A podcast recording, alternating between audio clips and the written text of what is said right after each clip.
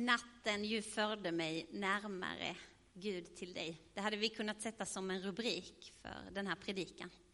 Om tvivel och hopp, eh, om att fortsätta även när eh, det inte känns så enkelt att tro. Eh, men vi kan inleda med att be tillsammans. Ja, Gud, tack för att du är här just nu. Tack för att du bor i våra hjärtan och att du eh, du har skapat oss som dina älskade barn. Jag ber att vi ska få klättra upp i din famn den här stunden och få, få känna ditt hjärtslag mot vårt och få vara alldeles nära dig, Herre. Eh, vi tackar dig också för möjligheten att ge och vi ber för, för de pengarna som vi har samlat in, att de ska få bli till välsignelse för Rimforsa och för de missionsprojekt vi stödjer och för församlingens verksamhet. Tack för att du är så god mot oss, Herre. Amen. Ehm, jag har bett mötesvärdarna hjälpa mig här i början. Och det är, jag har inga så här powerpoints, för jag blir så stressad av det när jag står här uppe.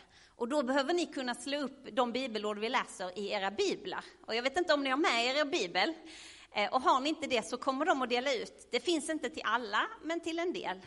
Eh, och en del kanske har i sin telefon. Och den får man gärna titta i om man klarar av att inte gå in på alla andra appar och sådär. Så varsågoda, gå ett varv och se vilka som vill ha eh, en bibel att slå upp i.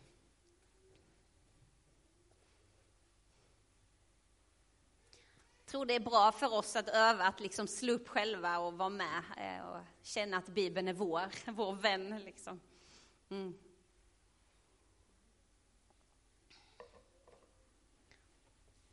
Karin inledde här med Jakob och det är hos honom vi också ska börja. Och Jakob är faktiskt en av mina minst favoritpersoner i Bibeln. Jag gillar inte honom så mycket. Eh, han är inte särskilt sympatisk. Jag vet inte om ni har tänkt på det. Det är lätt att man läser så här, åh det är Bibeln, då måste det vara fint. Men han är inte så schysst egentligen, den här mannen. Eh, han är Abrahams barnbarn. Abraham som har fått löftet om att han ska bli ett stort folk, Guds utvalda folk. Eh, men Jakob är lite lurig, om vi får lov att kalla honom så.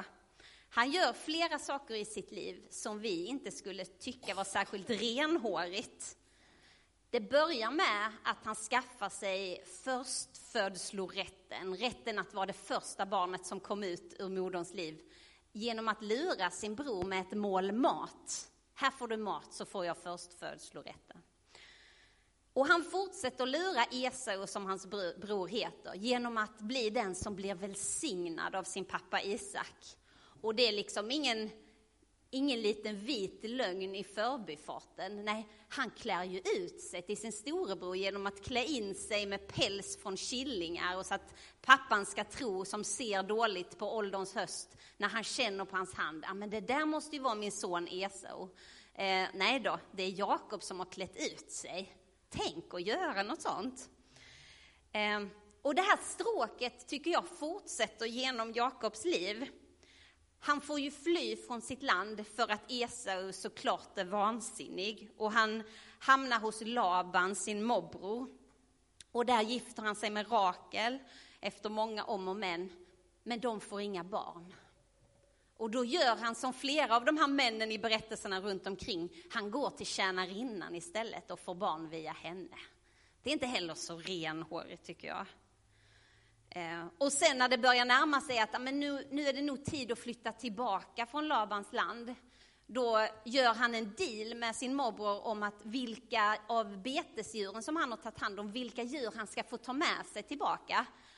Eh, och då bestämmer de så här eh, utifrån vilken skinnfärg fläckar på, på eh, de här djuren. Och då ser han till att Eh, de avlas fram så att alla djur som ska vara kvar med Laban, det är de späda och svaga djuren. Men de som tillfaller Jakob, det är de livskraftiga och dugla, dugliga. Eh, nej, Jakob är ingen hjälte tycker jag. Han är hal, han söker sitt. Är han inte lite självgod också? Ja, jag har i alla fall svårt att tycka om honom. Men Gud säger hela tiden, precis som Karin inledde med här och precis som han säger till oss. Jakob, jag är med dig. Jag är med dig. Inte att han är med på allt han gör, men han står med honom. Och han leder Jakob bort från Labans land. Ehm, han ska återvända och för att inte eh, Esau ska anfalla när han kommer tillbaka så skickar han massa liksom, gåvor och djur framför sig som en liksom, gåva. Ehm, och då kommer de till en flod, liksom floden innan han ska möta Esau igen. Och jag vet inte riktigt varför, men det är väl en, en jobbig passage kan man gissa, att ta sig över en flod. Så Jakob gör så, han skickar över hela sin, liksom sitt, eh, allt han är, hela hans familj skulle vi kalla det, men hans eh, fruar, hans söner och hans slav, slavinnor och djur. Allting passerar floden, men Jakob stannar på andra sidan, en sista natt innan han ska gå över. Eh, och det är på den här natten i ensamhet som vi ska slå upp våra biblar i Första Mosebok kapitel 32.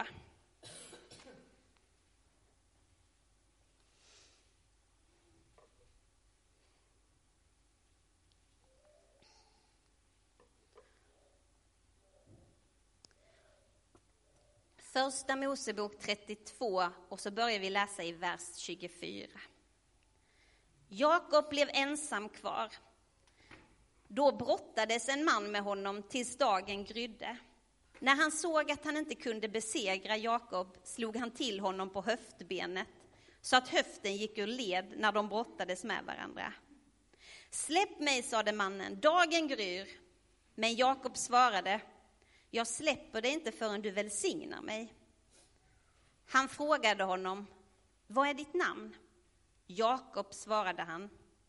Då sa han, ditt namn ska inte längre vara Jakob, utan Israel, ty du har kämpat med Gud och människor och segrat. Jakob bad honom, låt mig få veta ditt namn. Han svarade, varför frågar du mig om mitt namn? Och han välsignade honom där. Jakob kallade platsen Penuel, ty, sade han, jag såg, Guds ansikte, jag såg Gud ansikte mot ansikte och ändå skonades mitt liv. När han lämnade Penuel såg han solen gå upp och han haltade på grund av sin skadade höft. Vi stannar där. Det är ett jättesvårt bibelord att förstå sig på. Jakob är i närkamp med Gud. De brottas en hel natt. Och jag älskar att Jakobs personlighet kommer fram i det här bibelordet. Det här som jag tidigare har tyckt var så störigt, att han inte ger sig, han ska ha sitt. Eh, och det är det som liksom, han, han, han är sig själv i den här brottningskampen och säger, jag ska ha välsignelsen. Eh, han ger sig inte, inte ens i sin brottning med Gud. Det här är en predikan om att våga närma sig Gud om att bli mindre religiös eh, och börja vara mer ärlig. Eh, och jag vet inte hur mycket ni hänger med i så, så kallad kristen mediebevakning, tidningar och så som, eh, som kallar sig kristna. Men en sak som har varit liksom på tapeten i sommar är att två olika kristna profiler i USA och Australien har gått ut och offentligt sagt, jag har lämnat tron, jag kallar mig inte kristen längre. Eh, en av dem heter Marty Sampson och är en av Hillsong, kanske ni känner till, det finns ju också i Sverige. En av Hillsongs profiler och lovsångsledare. Eh, och han gjorde detta på Instagram, alltså där man lägger ut en bild och så skriver man en hälsning. Eh, och jag har översatt hans hälsning lite bristfälligt här, men så här skrev han i somras. Det är tid för ett riktigt snack jag håller genuint på att förlora min tro och jag bryr mig inte. Det är inget som stör mig. Jag är så lycklig nu, så tillfreds med världen. Det är galet. Det här är en provisorisk talarstol, så låt mig säga. Hur många predikanter faller? Många. Ingen pratar om det. Hur många mirakel sker? Inte många. Ingen pratar om det. Varför är Bibeln full av motsägelser? Ingen pratar om det. Hur kan Gud vara kärlek och samtidigt sända miljarder människor att dö bara för att de inte tror? Ingen pratar om det. Kristna kan vara de mest dömande människorna på planeten. De kan också vara de vackraste, mest kärleksfulla människorna. Men det är inget för mig längre. Jag är inte med längre. Jag vill ha genuin sanning, inte jag tror sanning. Men Elisabet, varför läser du det här? Vill jag väcka tvivel i oss? Ehm, tvivel är jobbigt. Det är verkligen en kamp. Men jag tror att det inte finns något kristet liv utan tvivel. Vi brottas med det mer eller mindre allihop. Men jag tror också att tvivel inte är någonting farligt. Vi måste få ställa de här frågorna som den här killen säger att ingen pratar om. Jag håller med om att Bibeln är svår att förstå sig på. Och det finns frågor vi behöver verkligen stångas med. Eh, och vissa saker kanske vi aldrig kommer att förstå. Men jag är ute efter att uppmuntra er att våga gå ännu närmare. Att vara kristen handlar inte om att tillhöra en religion. Det handlar om att ha en relation med Gud med skaparen av hela universum. Och finns han på riktigt? Och är det sant som den här boken säger att han älskar dig och mig? Då blir inte han rädd och gömmer sig när vi ställer de svåra frågorna. Jag tror att han gläds över det. Att vi tar vår tron på, all, på, på allvar och att vi inte nöjer oss med, ja, ja, det är väl ingen fara, jag kan fortsätta så här. Jag tror han vill att vi ska brottas och att vi verkligen ska få komma fram till, nej men jag tror genuint på det här i mig själv. Alla vi människor har ju olika typer av relationer med varandra. Jag har en typ av relation med Christian som är min man. Och jag har en annan relation med mina nära vänner. Och sen har jag en typ av relation med er som jag träffar lite då och då, som jag är bekant med kan man säga. Det kanske handlar om hur nära jag släpper er. Det är inte så att jag spelar spel och är olika personer hela tiden, men jag visar upp olika mycket av vem jag är. Eh, för visst är det så, och det är vi glada för, att man skärper till sig lite när man är bland bekanta. Då vill man vara lite artig och trevlig. Man visar ju inte upp den där man kan vara hemma i sitt hus kanske. För där måste man få vara sig själv, som vi kallar det. Släppa ner axlarna, inte behöva anstränga sig. Och det är för att det förhoppningsvis, vårt hem, är en trygg plats. Jag kan lita på att Christian kommer att älska mig även om jag smaskar mycket eller alltid går omkring i mina fula gråa mysbyxor. Men jag känner inte mig trygg med att gå runt i mina mysbyxor här och eh, äta äpple jättehögt. um, och det jag funderat på den här veckan är, kan det vara så att vi ibland flyttar vår relation med Gud ifrån den här mitt allra närmaste, den jag är hemma, där jag vågar vara mig själv, ut i den här bekantskapssfären. Där vi uttrycker oss lite artigt och välformulerat där vi ber saker som förväntas att vi ska be om. Eh, att vi liksom inte är helt oss själva när vi umgås med Jesus. Jag vill citera Magnus Malm. All sanning är en kontaktyta med Gud, hur oandlig den än verkar. All lögn skiljer oss från Gud, hur andlig den än verkar. Jag läser det en gång till. All sanning är en kontaktyta med Gud, hur oandlig den än verkar. All lögn skiljer oss från Gud, hur andlig den än verkar. Jag tror att Gud är fullständigt ointresserad av det här vi visar upp, det vi håller fram och låtsas vara. Han är bara intresserad av dem vi faktiskt är. Och hur smutsiga vi än är, hur mycket dubbelmoral vi än lever med, hur fula tankar våra hjärtan ibland bär på. Han vill ha en relation med oss, de vi är. Och nu ska ni få slå upp era biblar igen och vi hoppar till Lukas kapitel 7. Alltså ganska långt fram i Bibeln.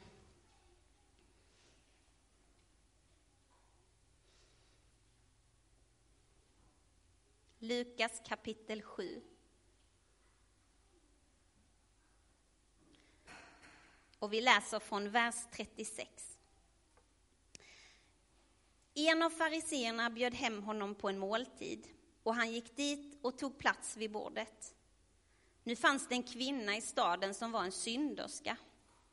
När, han fick veta, när hon fick veta att han låg till bords i farisens hus kom hon dit med en flaska balsam och ställde sig bakom honom vid hans fötter och grät.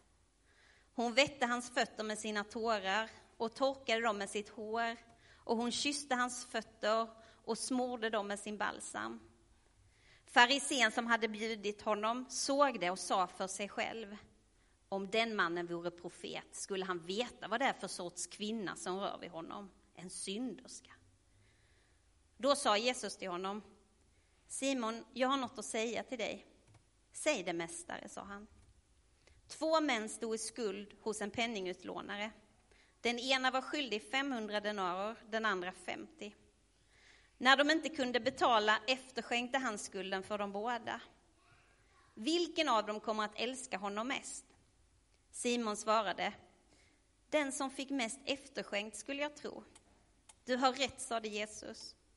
Och vänd mot kvinnan, sa han till Simon. Du ser den här kvinnan. Jag kom in i ditt hus och du gav mig inte vatten till mina fötter. Men hon har vett mina fötter med sina tårar och torkat dem med sitt hår. Du gav mig ingen välkomstkyss, men hon har kysst mina fötter hela tiden sedan jag kom hit. Du smorde inte mitt huvud med olja, men hon har smort mina fötter med balsam. Därför säger jag dig, hon har fått förlåtelse för sina många synder, ty hon har visat stor kärlek. Den som får litet förlåtet visar liten kärlek. Och han sa till henne, dina synder är förlåtna. Stanna där. Det här är en bibelberättelse som berör mitt hjärta. Eh, och jag känner mig som de här fariseerna som sitter runt bordet. Som tar emot Jesus på ett trevligt och bekantmässigt sätt. Och så kommer den här prostituerade kvinnan in i rummet och bryter mot alla konventioner. Tvättar Jesus med, sin, med tårar och balsam och han, hon ligger där. Man kan liksom riktigt känna hur, innan de börjar prata, hur tystnaden bara bryter ut. Och sen börjar de titta på Jesus. Hur ska han reagera? Hon är ju en synderska och han är profet och lärare. Ska han ge henne en örfil? Hon kanske förleder någon där vid bordet. Och kvinnan hon bara är. Hon har haft ett möte med Jesus och han har berört hennes hjärta. Och då spelar inga sociala konventioner längre någon roll. Hon gör det hon måste. Det sätt som hon kommer på att hon kan visa tacksamhet och tillbedjan på. Jag tror vi är många som längtar efter större intimitet med Gud, att kliva närmare. Att några av de där murarna som byggts upp skulle få rivas ner. Eh, och vägen dit tror jag, även om det kan låta konstigt, ofta går via en brottningskamp. För Gud är alltid nära. Han är alltid nära oss. Men vi har av många olika skäl, och ofta helt förståeliga, valt att distansera oss från Gud. Ehm, och jag tänkte faktiskt läsa en sak från min dagbok från 13 maj 2010, så det är länge sedan nu. Men det här är en bok jag återkommer till ofta, för eh, det är under min period, min, min, eh, en av mitt livs mörkaste perioder. Och jag är så glad att jag under den tiden skrev vad jag kände, eh, så att jag kan återvända och se, wow, vad Gud har gjort saker liksom sedan dess.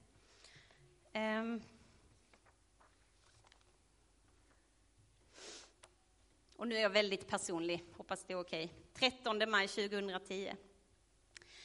Det har varit de svåraste månaderna i mitt liv. Jag känner mig tillintetgjord. Och under de mörkaste stunderna har jag tänkt att det vore bättre om jag dött i somras. Att Christian då kunde sörja och sen gå vidare, få bli pappa åt någon annans barn. Jag är så himla arg på Gud. Och inte bara det, jag känner mig sårad av honom. Vår barnlöshet och min sjukdom är någonting som ingen i världen kan göra någonting åt. Men han kan ju det. Och jag fattar inte varför han inte kan välsigna oss. Varför måste vi vandra i denna svarta dal? Jag står inte ut här, men jag har ingenstans att ta vägen. Oh, ja. Och jag läser det här för jag tror att många kan känna igen sig i det här att vara sårad av Gud. Kanske även om man inte går runt och tänker på det. Men att någonting har gått sönder längs vägen. Hur saker inte blev som man hoppades. Alla de som har lämnat oss. Ja, men det är så mycket i livet som gör så ont och som inte blir som vi tänkt. Där vi någonstans kan bli sårade av Gud. Och när vi är sårade så distanserar vi oss. Det är helt mänskligt, det är så vi fungerar. Vi skjuter bort oss från varandra. Och jag tror att vi gör likadant med Gud. Jag litade på dig en gång, men kom inte nära. Hur ska jag kunna lita på dig igen? Mm. Och en person i Bibeln som, som upplevde sig som var sårad av Gud är Thomas, en av lärjungarna. Han hade gett hela sitt liv för den här Jesus, lagt ner allt för att följa honom. Men nu var Jesus mördad. Allt det här han hade trott på var förgäves. Det höll visst inte, inte det här heller. Och så kom de andra lärjungarna och var så här pepp. Han har uppstått, vi har sett det. Och Thomas bara, kom inte nära mig nu med detta. Hur skulle jag orka satsa igen? Jag har litat på honom en gång, jag kan inte göra det igen. Eh, och nu slår vi upp Johannes evangelium kapitel 20.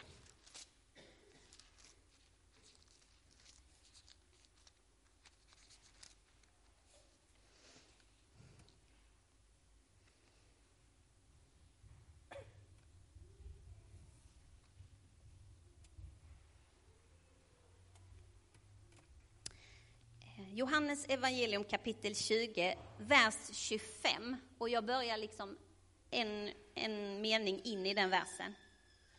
Så här säger Thomas. Om jag inte får se spikhålen i hans händer och sticka fingret i spikhålen och sticka handen i hans sida så tror jag inte. En vecka senare var lärjungarna samlade igen och Thomas var med. Då kom Jesus, trots att dörrarna var reglade, och stod mitt ibland dem och sa, frid åt er alla. Därefter sa han till Thomas, räck hit ditt finger, det här är mina händer. Räck ut din hand och stick den i min sida. Tvivla inte, utan tro. Då svarade Thomas, min Herre och min Gud. Jesus säger, räck ut ditt finger. Känn. Det lilla steget behövde Thomas ta. Men han fick känna. Som. Ingen fara.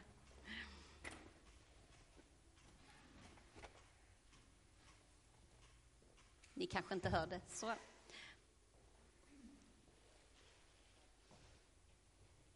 Thomas fick komma fram och känna i Jesu händer. Jesus skrattade inte åt honom, ja, det är han som behöver bevis för att tro, utan han sa kom, kom och känn. Um, och jag tror att det efter det fanns en ny intimitet mellan Thomas och Jesus. Och Thomas litade nog, han vågade igen, för han hade fått se. Ehm, det finns hopp. Det finns hopp i Kristus. Jakob kom fram till en flod eh, och innan det var dags att gå in i en ny fas liksom i sitt liv så brottades han en natt med Gud. Eh, och jag tror det är någon av er som kan ta med det som en bild härifrån, att någonting nytt väntar där framme. Men det kanske krävs att du vågar gå närmare och brottas igenom innan du kan gå in i det nya som väntar. Eh, och kanske du finns här som har en tro som skaver. Där finns något som inte riktigt är rätt liksom. Men som du har låtit vara. Det kanske gör för ont att pilla på det där. Men jag tror Herren uppmuntrar dig att våga kliva närmare. Att ta dina frågor på allvar. Våga brottas igenom det. Han vill dra oss ännu närmare. Han älskar oss. Han håller för de svåraste frågorna. Och han längtar efter att vi ska närma oss honom, för han är ju redan där. Han står så här med sina genomborrade händer och säger kom, kom och känn. Ehm, och vi ska avsluta den här predikan med en sång. För när jag i början av veckan gick och tänkte de här tankarna som jag, men det här är kanske något jag ska dela, så kändes inte klockrent för det känns lite tungt så här.